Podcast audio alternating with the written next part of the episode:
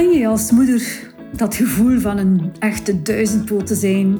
En loop jij ook mee in het rad, die malle molen van het leven? En zie je ook soms niet de opening rechts waar je eruit kan springen? Kom je ook helemaal niet meer toe aan jezelf? Dan is de volgende podcast wel echt iets voor jou.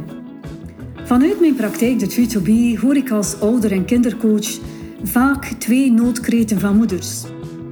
De eerste is van het stopt gewoon nooit. Ik heb nu nog geen tijd. Ja, ik wil het wel bewust in het leven staan. En ja, Caroline, ik vind het allemaal heel interessant, maar ik kom er gewoon niet toe. En ik begrijp het. Je wil slagen als partner, als ouder, op je werk, in je vriendenkring. Er wordt zoveel in de buitenwereld van je gevraagd dat je helemaal niet aan die binnenwereld toekomt. Een tweede excuus die ik vaak hoor is: het is toch al te laat.